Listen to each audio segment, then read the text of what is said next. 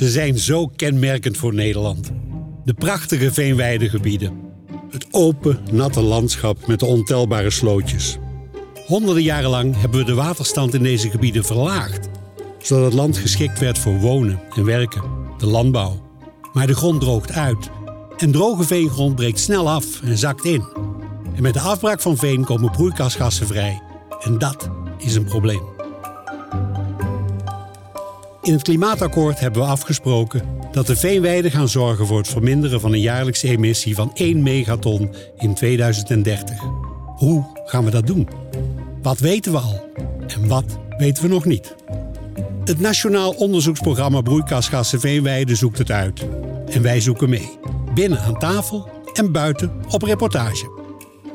Dit is een podcastserie over meten, weten en voorspellen. Over de fascinerende wereld van het veen, de passie van onderzoekers en de weg naar minder uitstoot. Dit is Studio Veenweide met Inge Diepman. Ja, weer van harte welkom bij deze laatste aflevering in de serie van zes programma's. Dan zijn we opnieuw weer neergestreken in het gastvrije Veenweide Innovatiecentrum in Zegveld. Dit is de aflevering waarin we de lucht ingaan met Ronald Hutjes, die ons het monitoren op drie niveaus gaat uitleggen. Vanaf de grond, via de EC-mast en met het vliegtuig. De gast straks Joost Bunsma, directeur STOA. STOA en LNV ondersteunen deze podcastserie. En nu aan deze mooie Lisdodde tafel heet ik hartelijk welkom de voorzitter van de Raad voor de Leefomgeving en Infrastructuur. Hartelijk welkom Jan-Jaap de Graaf. We tutoyeren, zei je net, graag. Is goed. En uh, Bart Kruid, onderzoeker aan de WUR, expert op het gebied van klimaatverandering, koolstofcyclus, land-atmosfeerinteracties in het Amazonegebied. En ook tegen jou mag ik, ondanks deze indrukwekkende opsomming, gewoon je zeggen. Uiteraard. Even ter introductie, jullie verhouding. Klopt het dat ik hier de generalist heb en de specialist? Oftewel, Bart, dat jij degene bent die Jan-Jaap voedt? Um, over het algemeen misschien wel, ja. Ik weet niet of het zo zwart-wit is. Ja, de globale typering is juist. Of alleen Bart mij voedt is een andere vraag. Maar nou, hij voedt mij zeker. Bijvoorbeeld. Anderhalf jaar geleden kwam de Raad met het rapport Stop bodemdaling in veenweidegebieden. We komen daar straks uitgebreid over te spreken. Maar even je eigen visie, je eigen standpunt hierover. Is die gegroeid over het feit dat we een probleem hebben in laag Nederland, in het veenweidegebied met bodemdaling en CO2? Want als je naar jouw cv kijkt, dan is die uh, indrukwekkend. Hè? Niet alleen voorzitter geweest, lid geweest al sinds uh, de 2002, meen ik. Betrokken geweest bij de Unie van Bosgroepen, bij de Stichting Twikkel, dijkgraaf geweest, directeur van Natuurmonument. Nou, ongetwijfeld vergeet ik ook nog het een en ander. Is er altijd die overtuiging geweest, we hebben hier een probleem? Nee, zeker niet in de mate waarin dat nu probleem zich nu manifesteert. Je zei al, ik ben ooit dijkgraaf geweest. Ik heb toen te maken gehad met pijlbesluiten. En dan ging het over de vraag, wat willen we met dat waterpeil doen? Omhoog of laag of, of stationair houden? En dat was altijd de discussie tussen landbouw en natuur.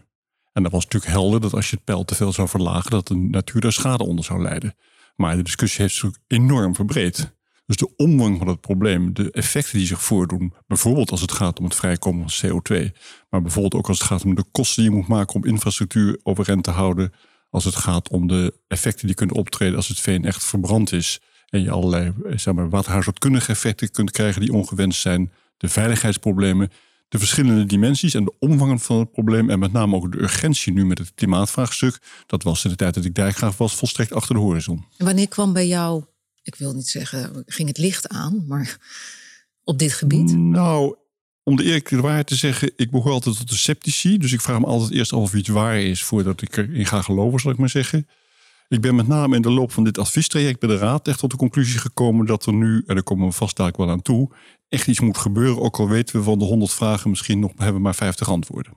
Echt die urgentie, die is van de laatste jaren, wat mij betreft. En bij jou Bart, hoe lang zit je al in uh, CO2, veenweide, bodemdaling? Mm, nou, dat is toch al bijna mijn hele loopbaan. Nou, niet in de veenweide, maar in de CO2. De veenweiden zijn eigenlijk heel recent eh, bij mij, omdat ik eigenlijk meer in het algemeen, in die zin ben ik meer misschien een generalist, geïnteresseerd ben en geboeid ben door hoe dat landoppervlak nou reageert op de atmosfeer en, uh, en met name de broeikasgassen, de CO2. En daarom zit ik ook in de Amazone soms. Ik ben ook in Siberië geweest en in Nederland meten we die uitwisselingen. Proberen te begrijpen waar het van afhangt hoe je het kunt optimaliseren. Maar misschien ook wel, maar ook waar het gevoelig voor is. Dus hoe die, die, die broeikasgasbalans reageert op klimaatverandering en op menselijk handelen. Zijn we te laat gaan denken over veenweiden? Nou, als ik het zo allemaal als relatieve nieuwkomer uh, zie, dan denk ik wel. Dan denk ik van hoe is het mogelijk dat het zover heeft kunnen komen. Maar ik snap ook wel een beetje waarom. Het is productiegebied. Dus met grote weerstand om, om, om iets te veranderen. Ja. Hoe belangrijk is dan het onderzoek wat nu gedaan wordt en uh, die, dat onderzoek wat ook aanleiding kan geven om zaken te veranderen? Uh, daar hebben we het in deze podcastserie ook uitgebreid over. Een podcastserie waarin we de lijn volgen van het 6M-model meten, mechanismen, modelleren, MKBA's, maatregelen en monitoren. Nou, Gilles Erkens is expert op het gebied van bodemdaling. Werkzaam voor uh, onder andere Deltaris. Heeft dit model op de agenda gezet, uitgewerkt hè, als, als tool, als methode om die bodemdaling en de broeikasgassen in veenweidegebieden aan te pakken. En in elke aflevering van Studio Veenweide heeft hij kort uiteengezet wat de achtergrond is van die ene M van het model. En nu is het dus tot slot de beurt aan. De M van monitoren. Nadat we een maatregel hebben genomen, is het belangrijk om te monitoren of de maatregel de daadwerkelijk gewenste en verwachte effecten heeft gehad. En dat doen we door een meetsysteem, bijvoorbeeld hetzelfde meetsysteem wat we hebben ingesteld voor M1. In de wereld wordt er veel gemonitord op gebied van bodemdaling en broeikasgassenuitstoot. Maar echt een inspirerend voorbeeld komt uit Shanghai. Daar is een heel monitoringssysteem ingericht om te bepalen of ze niet boven de 6 mm per jaar bodemdaling uitkomen. Ze hebben dus ook een heel nauwkeurig einddoel voor bodemdaling vastgesteld. In Nederland hebben we dat niet voor bodemdaling, maar wel voor broeikasgasuitstoot in de veenweidegebieden. In 2030 moet die verminderd zijn met 1 megaton per jaar. Dus daar moeten we nu een monitoringssysteem voor opbouwen. Dit is Studio Veenweide. We gaan zo de lucht in uh, met jouw collega Ronald Hutjes. Uh, ja, leuk. Ja, en maar heel even voor de duidelijkheid. Uh, dat monitoren, daar kan je als wetenschapper op verschillende manieren naar kijken. Kun je nou even duidelijk aangeven op, over wat voor soort monitoren we het hier hebben? Nou, voor mijn, mijn simpele verstand is monitoren altijd van we gaan gewoon wat meten. En we doen dat voor en we proberen dat zo lang mogelijk vol te houden. Die M1 waar Gilles het over had. Waarschijnlijk M1 is wel, meten. Ja. Ja. Maar ik heb ondertussen in, in al die jaren geleerd dat inderdaad dat het ook kan betekenen het monitoren van een proces. Het monitoren van of de bepaalde doelen wel gehaald worden. En dat kan van alles uh, betekenen. Maar kan je monitoren met alleen maar meten? Of is meten Nee. één van de Dat, dat- natuurlijk niet. Kijk, dat zou ik wel leuk vinden, maar dat is natuurlijk niet zo. Want eh, je, je kunt wel willen me- meten eh, wat de broeikasgasemissies zijn van een gebied en dat willen monitoren. Maar je wilt ook monitoren of de maatregel die je daarvoor instelt, of die wel werkt, of die wel ingebed is, enzovoort, enzovoort. En economisch wel werkt en zo. Dus ja. Dus monitoren Uiteraard. doe je dus onder andere door te meten. Nou, en sinds 2019 wordt er niet alleen vanaf de grond of via de mast gemeten, maar ook vanuit de lucht. Ronald Hutjes is universitair hoofddocent land-atmosfeerinteracties, onderzoeker bij Wageningen University Research en heeft het grote genoeg om af en toe die collegezaal en het eh, bureau te mogen verlaten om plaats te nemen in de PHWUR. Zeggen jullie de PH-WUR? ja, dat zeggen we hè? natuurlijk. Ja, PH-WUR. Ofwel het vliegtuig dat CO2-metingen verricht vanuit de lucht. Dat is een heel bijzonder vliegtuigje van de universiteit. Dat te vinden is in de hangar op het eh, vanaf de ingang gezien echt meest vergelegen veld op het terrein van vliegveld Hilversum. Dus het was een flinke tocht er naartoe. We zijn net eh, door een weerwar van vliegtuigen gelopen naar deze hangar. En deze ziet er toch wel iets anders uit. Ja, het is, het is geen standaard vliegtuig. Als je eh, misschien wel ziet, het grootste verschil is eigenlijk wel dat de propeller achter zit. Ja, laten we er even naartoe lopen. Veruit de meeste vliegtuigen hebben natuurlijk de propeller op de neus zitten. Maar als je bij ons ziet, eh, we hebben een hele speciale neus met de nodige apparatuur. De belangrijkste apparatuur zit voorop. En dat moet niet storen met de motor, met de propeller samen. Dus die hebben we uit elkaar getrokken. En vandaar dat we dit eh, speciale toestel hebben. Ja. En het tweede wat niet normaal is, is dat we als passagier en piloot achter elkaar zitten. Ook de meeste vliegtuigen die je zie je zitten ze naast elkaar. En waarom is dat? Dat is niet verder een speciale reden. Dat is toevallig dat bij dit model hoorde. Maar... Gaat de collega de lucht in? Ja. Laten wij ondertussen even naar eh, de kap lopen en die eraf halen. ja, gaan we eerst maar eens even doen.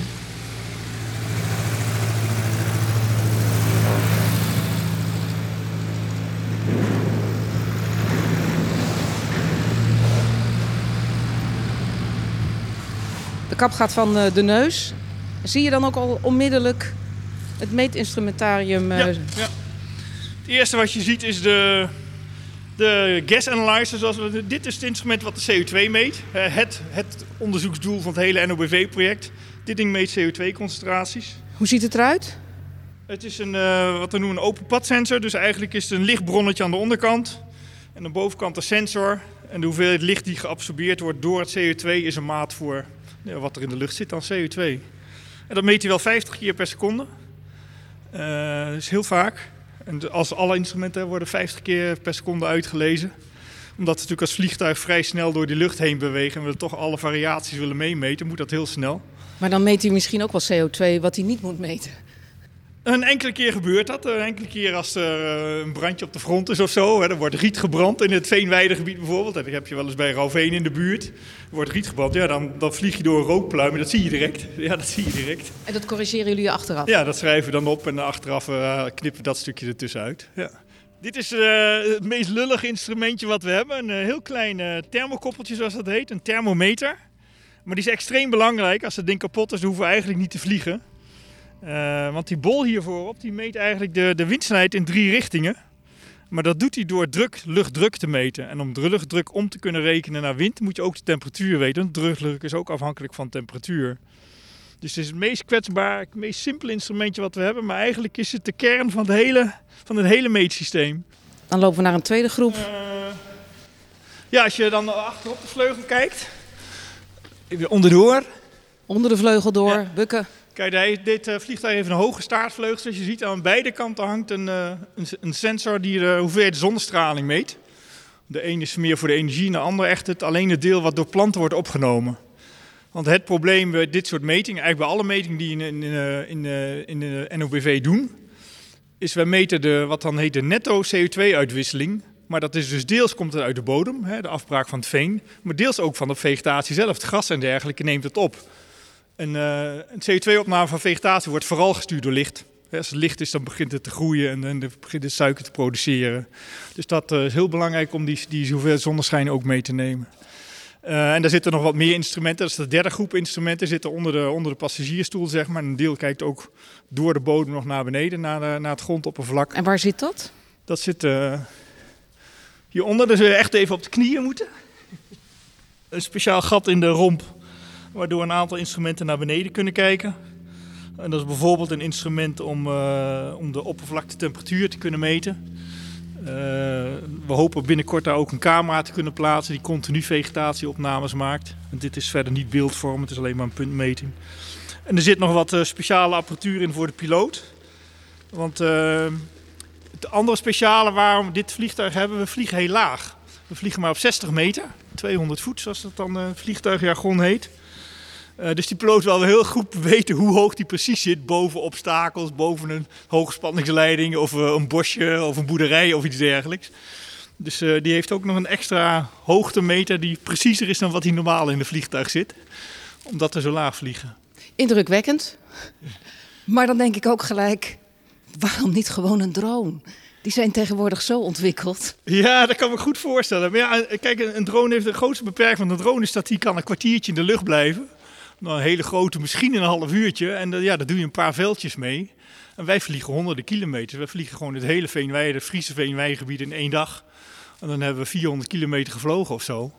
En dan heb je een veel groter gebied. En dan kun je echt de hele gradiënt, bijvoorbeeld in, in veendiktes of veentypes die je in zijn gebied uh, vindt, kan je daarmee coveren. En dat kan je met een drone nooit. Dan blijf je op één veldje beperkt. En dat, uh, dus dat is het grootste verschil eigenlijk. Dan openen we de cockpit.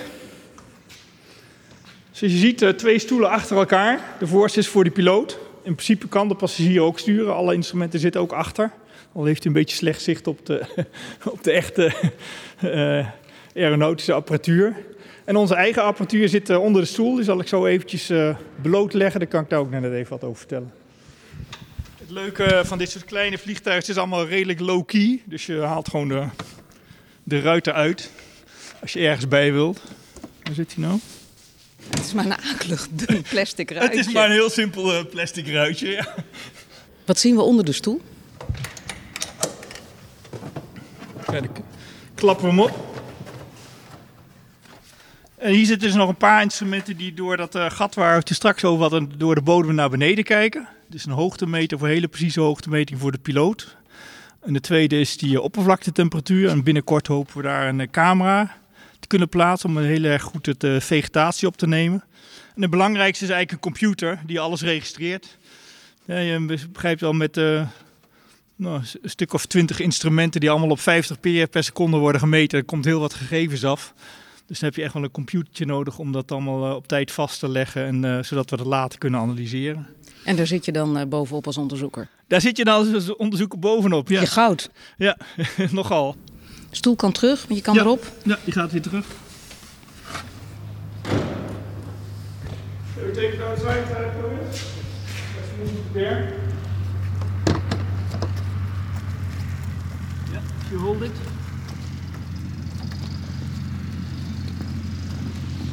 Het vliegtuig uh, wordt naar buiten gereden vanuit de, de, hangar, klaargemaakt voor de vlucht naar uh, Rauwveen. Ronald gaat uh, als enige mee met de piloot, want er kan er maar één mee. Ik zal hem mijn apparatuur geven en hij geeft ons een beschrijving van wat hij ziet als onderzoeker vanuit de lucht van het gebied rondom Rauwveen. En zijn observaties gaan dan weer mee met alle meetgegevens die de apparatuur ons gaat geven na opname.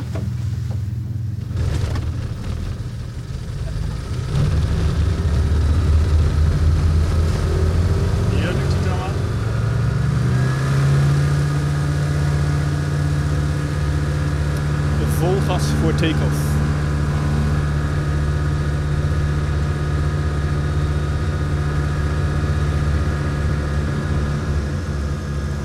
zijn hier net opgestoken van uh, vliegveld Hilversum.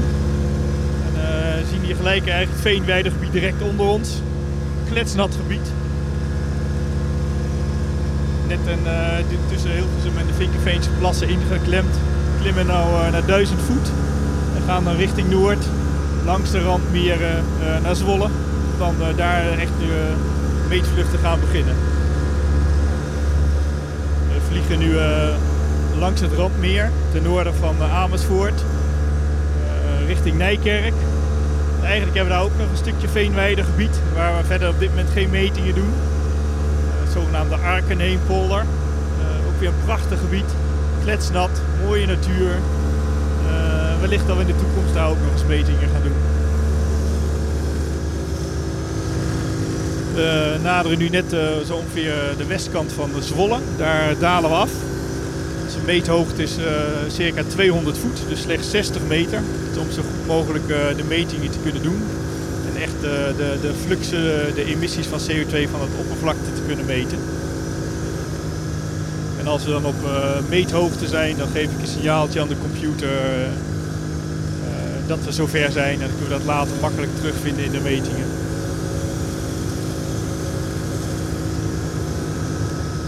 We zitten nu op meethoogte. Dus we hebben uitstekend zicht op alles wat er onder ons gebeurt. Het is nog goed te zien dat de afgelopen dagen erg nat is geweest. Veel velden staan nog flinke plassen op. Het slooppeil is natuurlijk altijd vrij hoog. Het feit dat het zo nat is, is uh, nog wel weer speciaal voor deze vlucht prachtig gebied. We naderen nu de samenvloeiing van de, de Overijsselse Vecht in het Zwarte Water. Een paar weken geleden was dit gebied echt nog maar kletsnat. Stond het helemaal onder water. Nu ziet het er ietsje droger uit. Uh, maar het is wel duidelijk waarom dit uh, de Nederlandse wetlands heet.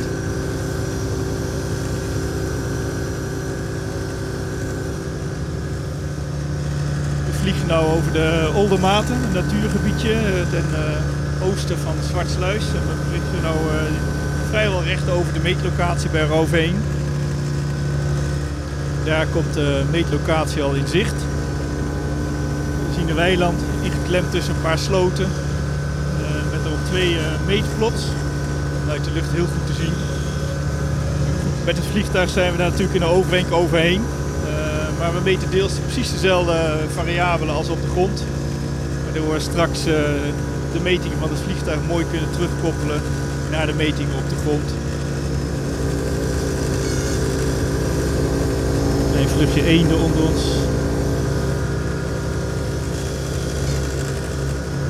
We naderen dadelijk uh, Meppel, Dat is een beetje het eind van ons metentransect. Dan hebben we een stuk of twintig lijnen gevlogen. Allemaal ongeveer zuidoost naar noordwest georiënteerd. Het is bijna het eind van ons transect en we stijgen we zaak weer op naar 1000 meter voordat we terugkeren richting vliegveld Hilversum. Ja, daar wil je best wel zijn, toch Jan Jou? Hier in de studio in, in, de lucht. In dat vliegtuigje? ja. Nou, ik niet. Nee? Ik heb een keer in zo'n vliegtuigje gezeten en dat duurde wel geteld drie minuten of ik lag op de bodem van het vliegtuigje. ik zou je die details besparen, maar mij hoef je daar niet uh, heen te brengen. Maar zie je er wel de waarde ervan in, van dit soort meetmogelijkheden? Ja, absoluut. Op verre Kijk, als, je, als je beleid wil maken voor dit vraagstuk, dan hangt dat natuurlijk altijd af van aannames over over de situatie zelf. Dus wat voor CO2-productie vindt er feitelijk plaats vanuit veenweidegebieden? Wat is de relatie met bodemdaling? En het andere belangrijke punt is natuurlijk... wat is de effectiviteit van te nemen en genomen maatregelen? En daarvoor is monitoring absoluut essentieel... om het draagvlak voor dat beleid te creëren en overeind te houden. Ja, en dat moet ook vanuit de lucht, Bart? Nou, liefst uh, zowel vanuit de lucht als op de grond de meerwaarde van de, om dat uit de lucht te doen is natuurlijk omdat je een groot gebied uh, daarmee te, te, pakken hebt in één keer. Je neemt dus wel een soort van foto's daarmee, snapshots. Je meet niet continu. Maar je krijgt heel goed juist die variabiliteit in, in de vingers. Plus de landschappelijke, de ruimtelijke gemiddelde. Hè, die kun je er allebei uithalen. En die variabiliteit is iets waar ik altijd erg op trigger. Variatie is de weg naar het begrijpen van een systeem. Want met die variatie, die komt ergens door. Die komt door variatie in bodemwater, in variatie in begroeiing, wat dan ook. Dus dan kun je die relaties leggen en die relaties kun je gebruiken om vervolgens eh, te vertalen, uh, te extrapoleren naar de toekomst, modellen mee te bouwen enzovoort. Is dit het landelijk meetnetwerk waar jullie ook als Raad van de Leefomgeving en Infrastructuur op hebben geduid? Want de Raad bracht in het najaar van 2020 was dat alweer het rapport Stop bodemdaling in veenweidegebieden uit.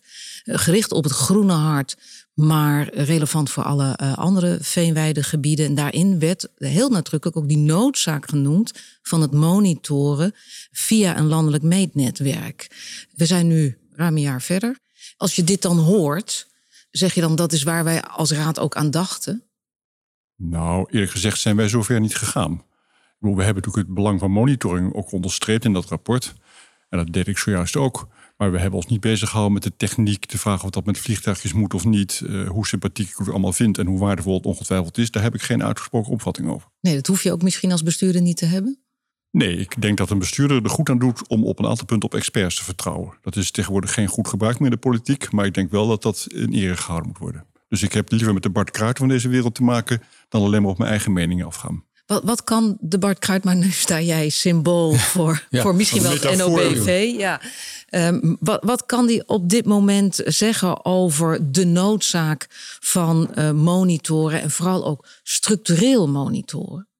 Nou, structureel is belangrijk omdat heel veel van deze processen erg variabel zijn in de tijd en in de ruimte. Eventjes ergens wat gaan meten, daar leren we gewoon niet genoeg van. Dat is jammer, maar helaas. Hè, ik krijg nu ook met veel meetwerk zijn we net misschien een klein jaartje of nog niet eens bezig. En dan willen mensen graag al weten wat komt eruit.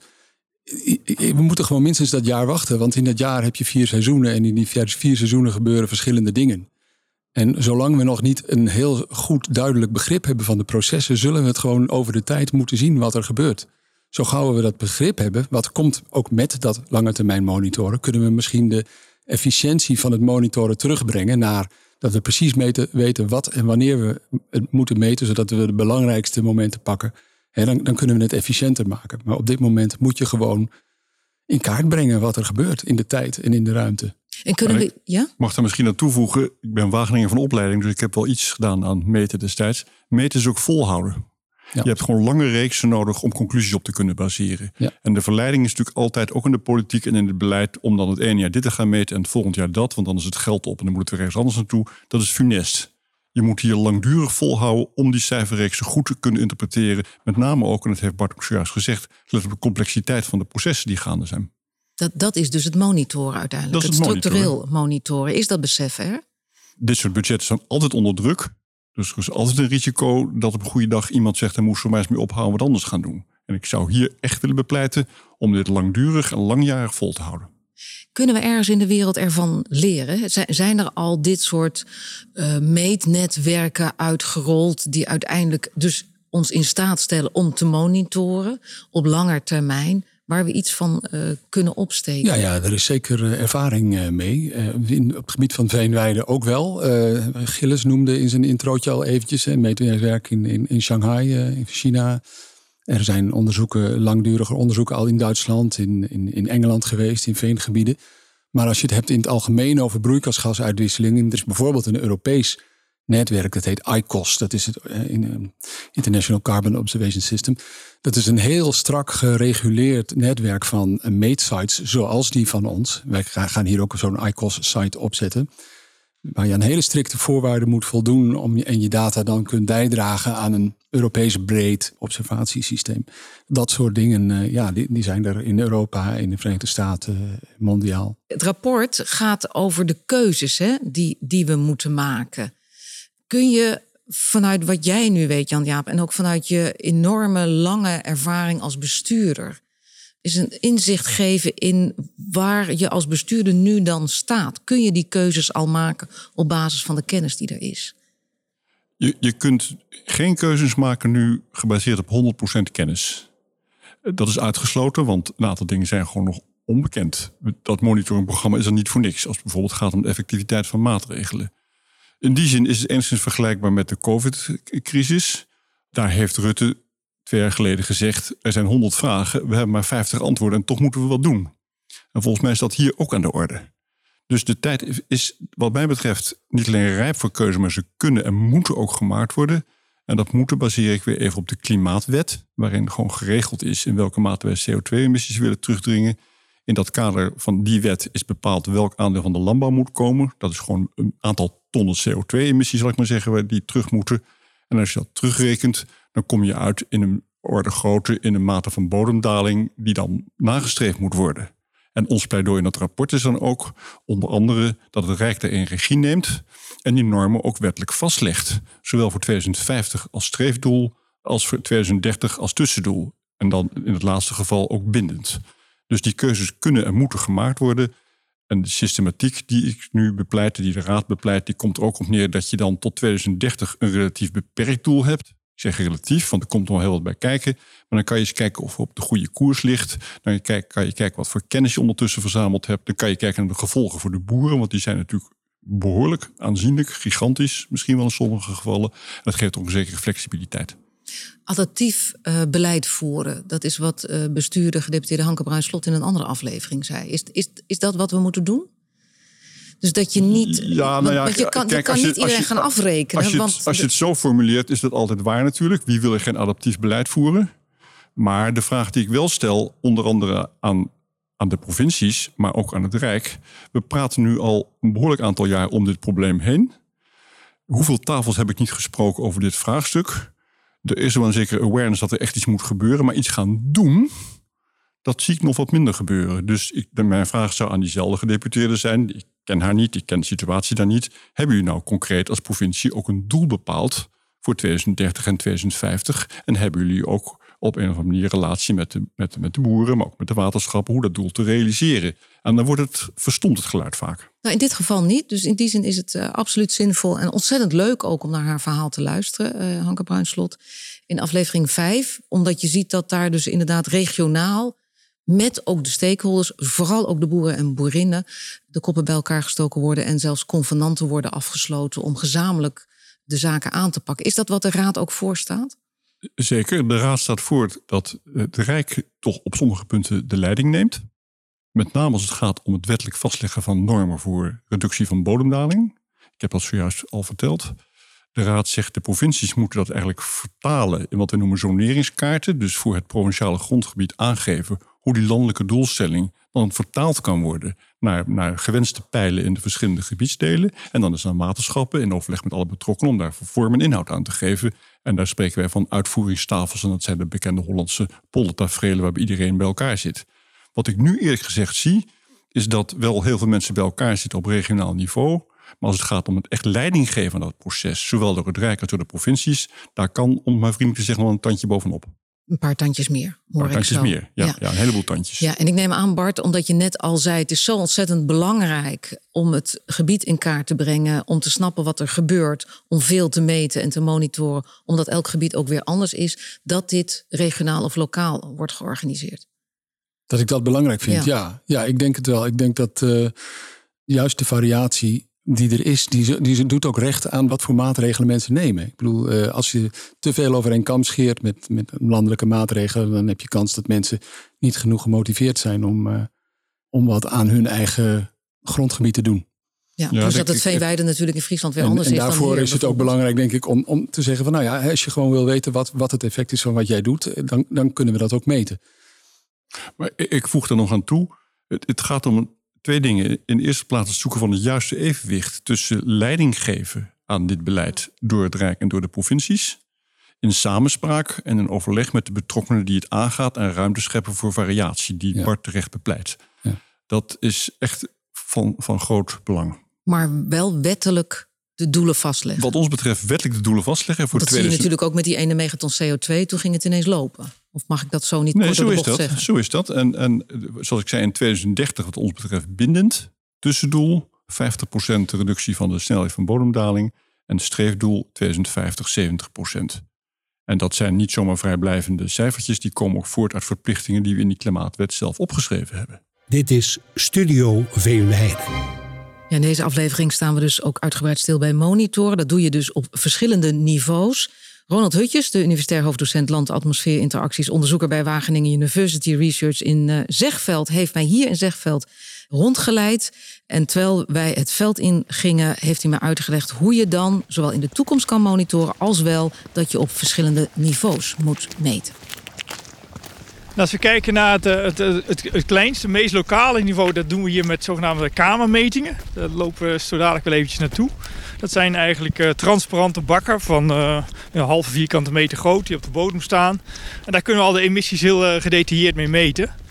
En dan hebben we een tweede, maar dat, is dus heel lokaal, dat steeds per vierkante meter. Dus het kan zijn, ja, dat de ene keer ligt er net een koeienvla in, wel of niet. Of eh, eh, kleine variaties eh, pak je daar niet helemaal mee.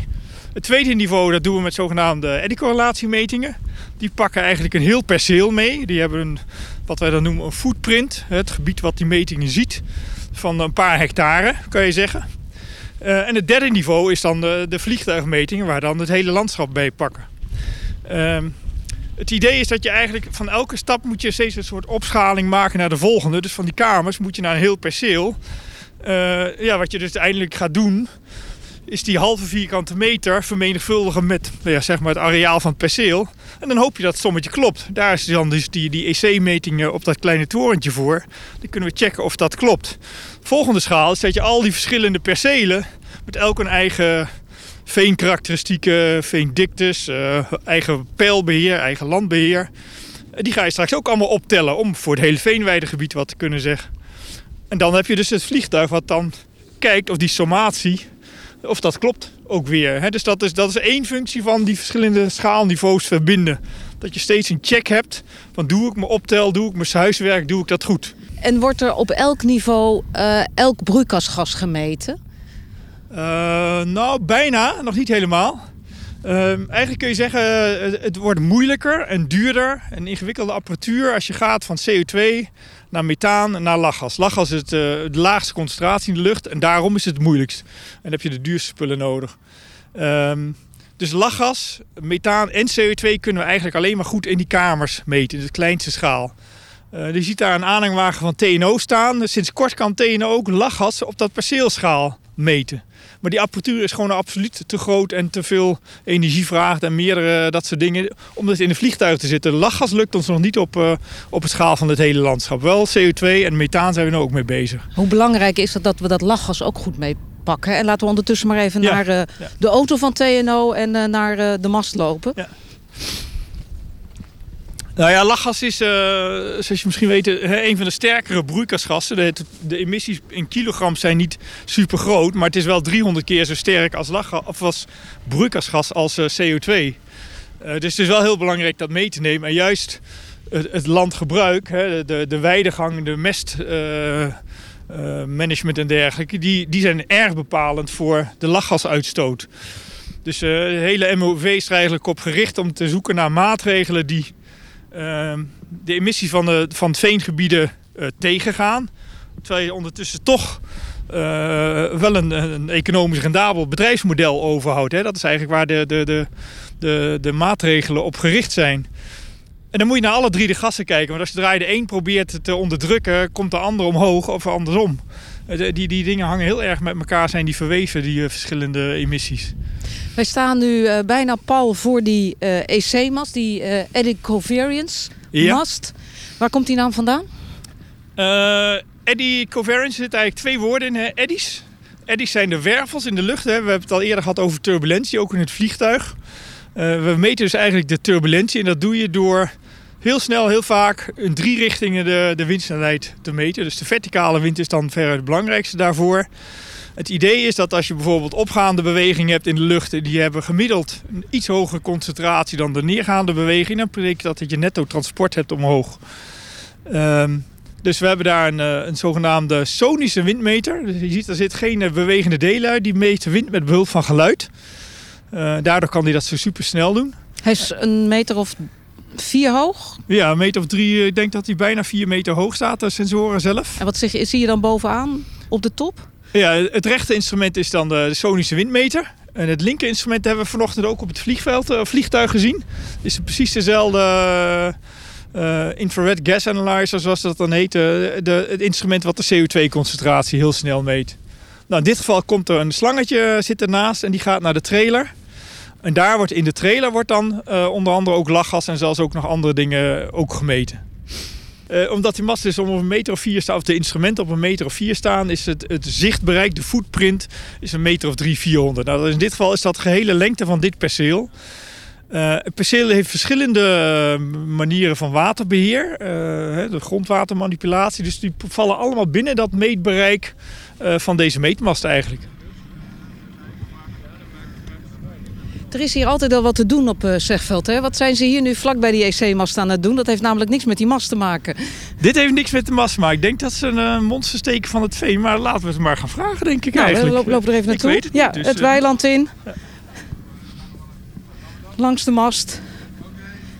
Hi. Er is een groot gat uh, gegraven. Er staan wat meters hier op de grond. Hoi, wij zijn van de, de podcast Studio Veenweide. Wat zijn jullie hier aan het doen? Kolommen aan het steken om onderzoek aan te doen op het gebied van uh, krimp van uh, veen. Onder verschillende uh, vochtomstandigheden. En broeikasgasuitstoot. En dit is wat je eigenlijk net vertelde. Hè? Dus zowel op de grond als vanuit de lucht als die mast. Ja, ja, wat, wat we dus met die kamertjes en die mast niet kunnen, is, is, of niet is eenvoudig kunnen, is echt het scheiden van de emissies van de ene zijde van uit, uit de bodem komt en de andere zijde wat door de vegetatie wordt afgescheiden, uh, opgenomen, sorry. Uh, wat je dus wel kan doen op het moment dat je zo'n kolom steekt, dan kun je echt de emissies alleen uit dat veen zou je kunnen kwantificeren. En dat is denk ik het doel van uh, wat ze hier aan het doen zijn. Ja, er staat er een uh, nou, tot uh, zijn middel uh, in het veen. en die kolom die is dus een meter diep. 1 meter 20. 1 meter 20. Want wat is hij nu aan het doen? foto's nemen van het profiel. Dus de verschillende lagen, bodemlagen die je vindt in dit soort veen. Daar kunnen we ook van leren. Ja. Het is wel mooi, hè? want hoe dieper hij komt, hoe, hoe meer je echt in het verse veen komt. Dat klopt, ja. Vanaf ongeveer 60, 70 centimeter zit je in het veen dat nog nauwelijks blootgesteld is aan zuurstof uit de lucht. Wij noemen dat, noemen dat ook wel het maagdelijke veen. Dus dat is nu voor het eerst blootgelegd. Hij laat jou het werk doen, hè? Ja, precies. Hij weet wel. Uh... nou, succes. Dankjewel. Ja, Hoi. We lopen weer even die kant op, ja. zodat we hen het uh, werk kunnen laten doen. Of we lopen even langs de meetpots. Ja. Maar... ja. Maar wat denk ik wel een van de sterke dingen van het uh, NOBV is, is dat we dus uh, nu op heel veel verschillende locaties in die veenweidegebieden overal echt precies dezelfde opstelling hebben gemaakt. Dus wat je hier ziet, deze layout, die wordt herhaald in Rauwveen. Wat je hier ziet aan layout wordt herhaald, ja. wordt herhaald in Alderborn, zodat we zeker weten dat, dat die metingen heel vergelijkbaar zijn gedaan. En dat we straks alle alle uh, verschillen die we zien in emissies van die broeikasgassen echt kunnen toebedelen aan, aan de betreffende perceel. En niet aan de toevallige verschillen in meto, meetomstandigheden. Dus dat sluiten we dat er in ieder geval mee uit. En dan weten we zeker dat die verschillen komen, moeten komen. Of van de vegetatie, of van het veen, of van het pijlbeheer.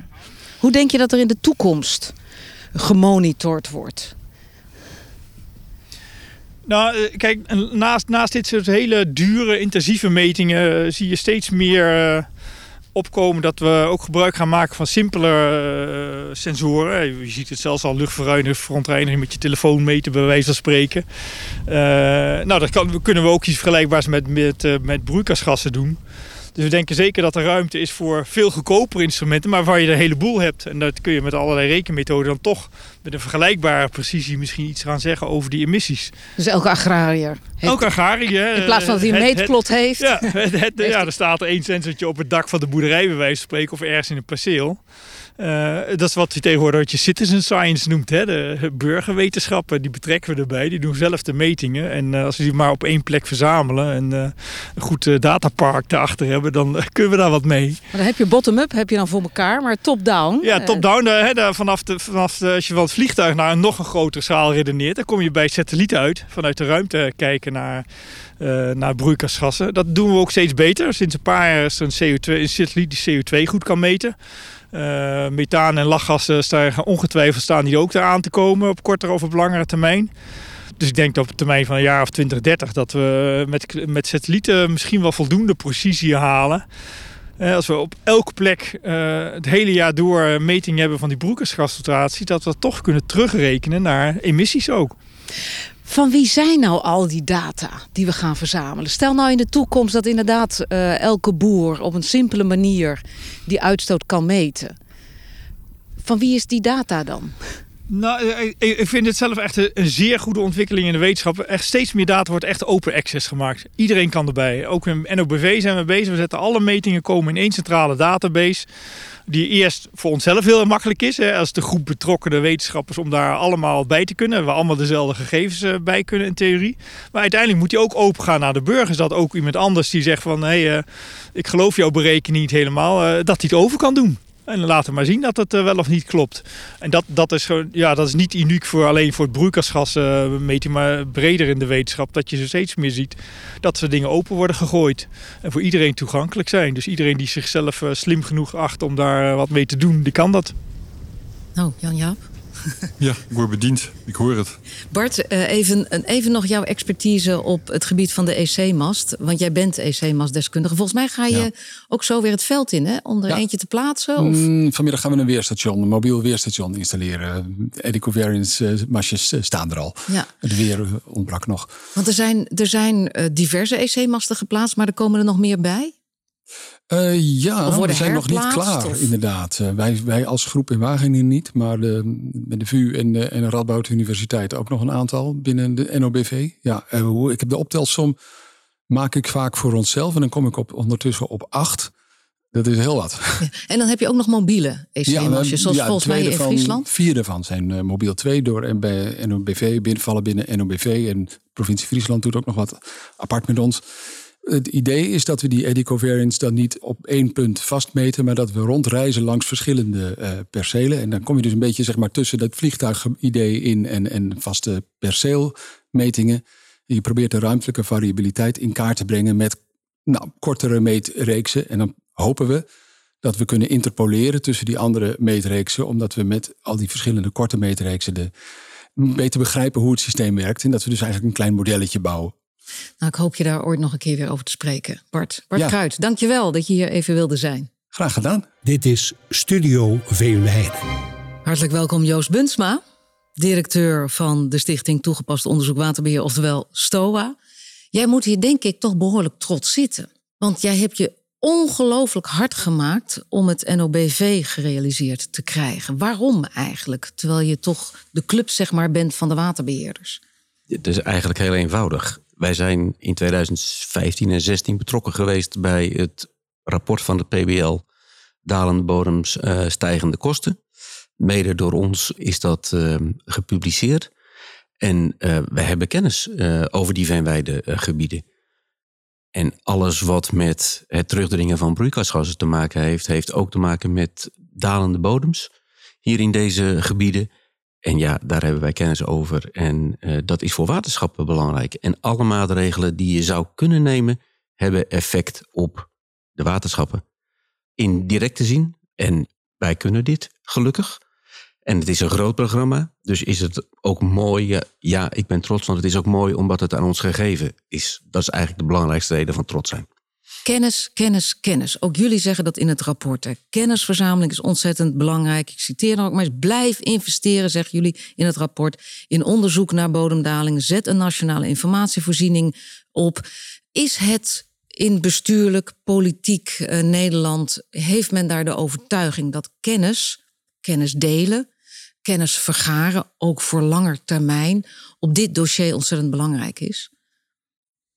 Nou, als je kijkt naar de manier waarop de politiek opereert, niet alleen in Nederland trouwens, maar ook elders in de wereld, is de mate waar men op kennis terugvalt, die neemt eerder af dan toe. Dat is een beetje wat je in het begin van de uitzending ja, ook zei. Ondergemonte ook maar een mening. Vaak is de mening van de buurman nog belangrijker dan de mening van een expert zoals Bart Kruid. Dus in algemene zin ben ik daar niet zo optimistisch over. Tenzij, en dat zie je ook weer in de COVID-crisis terug, tenzij het water aan de lippen staat, letterlijk en figuurlijk, dan opeens is kennis wordt weer naar voren gehaald. Zie je ook de vooraanstaande en terecht vooraanstaande positie van het RIVM en iemand als Van Dissel in die COVID-crisis. Dus naarmate het spannender wordt, gaat kennis opeens weer boven water komen. Het probleem hier is natuurlijk dat de kosten van het beleid gaan voor de baat uit. Soms zelf vrij ver voor de baat uit. En dan is de neiging om puur op kennis uit te gaan al gauw weer wat minder, want het water staat nog niet aan de lippen. En ik denk dat het dus ongelooflijk belangrijk is dat bijvoorbeeld in een serie als deze het belang van kennis wordt onderstreept, onderstreept en nog eens onderstreept. Hoe zorg je ervoor, Joost, dat die kennis ook weer niet loszinkt van de kennis die we al hebben op belangrijke andere dossiers? We hebben het eh, stikstofdossier, het probleem van biodiversiteit. Hoe zorg je dat dat elkaar vindt en ondersteunt en niet loszinkt van elkaar? Nou, dat is denk ik een van de redenen geweest waarom het aan ons gevraagd is om dat eh, te doen. Omdat we al die kennis eh, hadden uit het rapport van het PBL. Maar dit programma komt niet eh, voor niks bij LNV vandaan. LNV heeft ook met bodemdaling te maken, heeft ook met de toekomst van de agrarische sector in Nederland te maken. En maatregelen die hier toepasbaar zouden zijn, hebben grote invloed op agrariërs. Dus er moet een integraal beleid zijn. Nou, en wij moeten ervoor zorgen dat die kennis die wij met dit programma vergaren, dat hij de linken legt, tenminste, met die andere sectoren. En ja, in hoeverre dat dan doordringt en meegenomen wordt, dat is aan het ministerie uiteraard. Ja. Maar daar heb ik goede hoop op. Wat zeggen jullie als raad daarover? Wat het, is er een nou, advies? Eh, eh, eh, ehm, dit programma, als ik het allemaal goed begrijp, vergaart vooral technisch inhoudelijke kennis over bodemdaling, CO2-emissies, et cetera. Daarnaast is het natuurlijk ongelooflijk belangrijk dat er kennis wordt gegenereerd als het gaat om de vraag: wat zijn de gevolgen van dit hele fenomeen? Wat zijn de kosten? Wat zijn de baten? Wat zijn de kosten en de baten van te nemen maatregelen? En daar zie je op een aantal punten nog blinde vlekken, onbekendheden. Bijvoorbeeld de gevolgen voor de waterhuishouding op de lange termijn. Wat levert dat aan kosten en baten op als je daar wat aan wil gaan doen? En meer in bijzonder, Joost zei het al, de agrarische sector. Als je dit beleid gaat effectueren, wat wij voorstaan als raad, dan zal dat grote gevolgen hebben voor de boeren. En daar moet, bij moeten de boeren ook geholpen worden om die gevolgen op te kunnen vangen. Want je kunt ze niet helemaal aan hun lot overlaten.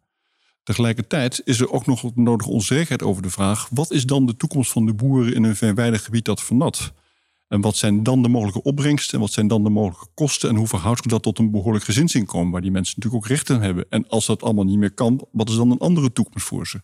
En dat vind ik wel heel belangrijke punten waarop ook kennis moet worden vergaard buiten dit onderzoeksprogramma. Maar daar moet zeker LNV er nodig aan, nodig aan doen. Ja. Hoe lang moet het dan gaan lopen, Joost? Deze laatste uitzending is een beetje een afrondende uitzending, maar staat ook nog in teken van monitoren. We hebben het eh, zo straks over gehad, hè, dat dat langer termijn structureel monitoren ontzettend belangrijk is. Hoe lang moet je eigenlijk doorgaan? Ik denk dat je lang door moet gaan. En hoe lang, dat durf ik niet direct te zeggen. Het is net al aan de orde geweest. Je moet een lange meetreeks hebben. En niet alleen om je maatregelen te kunnen nemen, want die kunnen niet al te lang op zich laten wachten. Maar ook om te kijken of die maatregelen wel daadwerkelijk het effect hebben wat je feitelijk wil. En wat voor andere consequenties eh, dat heeft, zodat je mogelijk maatregelen kunt bijstellen, je beleid kunt bijstellen. Dus ja, je moet wel een tijdje doorgaan. En dan eh, denk ik eerder aan uh, tien jaar dan aan vijf jaar, laat ik het maar zo zeggen. En wat zijn dan steeds het uitgangspunt van nieuw onderzoek? Welke, welke pijlen gaan jullie als het ware afschieten of schieten jullie af? Wat is... Ik denk dat het, uh, dat het in eerste instantie het voortzetten is van de monitoring. Het onderwerp waar we nu over praten. En dat moet je structureel blijven doen. Dus dat moet je niet aan gebieden afgeven. Nee, je moet echt één goed monitoringsprogramma hebben. En ik wil nog even aansluiten bij wat uh, Jan Jaap net zei. Het gaat ook om haalbaarheid. En ook onderdeel van het NOBV-programma is dat we haalbaarheidsstudie kijken. Dat hebben we uh, een aantal rapporten over uh, gepubliceerd. Uiteraard met de kennis van nu. Want ja, haalbaarheid, dat is ook nodig om voldoende draagvlak te krijgen. Want het gaat toch om, voor een belangrijk deel om mensen die die maatregelen moeten nemen en accepteren. Ook daarin vind ik dat, dat je alle moeite moet doen om kennis te vergaren, zodat dat hen ook kan overtuigen. Ja, en dat dat soms de mening van de buurman belangrijker is. Ja, dat is in deze tijd zo. In 2020 verscheen dat rapport. Krijgen we nog iets anders te zien? Komt er een vervolg op uh, als het gaat om bodemdaling en CO2-uitstoot in veenweidegebieden van de Raad voor Leefomgeving? De Raad zelf heeft op dit moment nog geen vervolg voor ogen. Het zou kunnen komen. Maar we hebben natuurlijk een heleboel andere onderwerpen waar we ook mee bezig zijn. Ik heb wel gezien dat er een ambtelijke studiegroep is geweest die onder andere naar ons rapport heeft gekeken en ook voedsel aan het nieuwe kabinet levert als het gaat om een formatieakkoord. En daar sluit men toch een belangrijke mate aan bij ons gedachtegoed. Dus er is hopelijk wel een vervolg in ambtelijk en dadelijk hopelijk ook politiek Den Haag.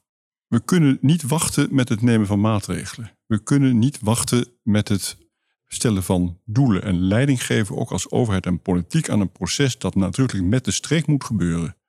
Met inachtneming van de belangen die er zijn en met respect voor de boeren die daar de gevolgen van gaan ondervinden en ook met ondersteuning van hen voor hun toekomst.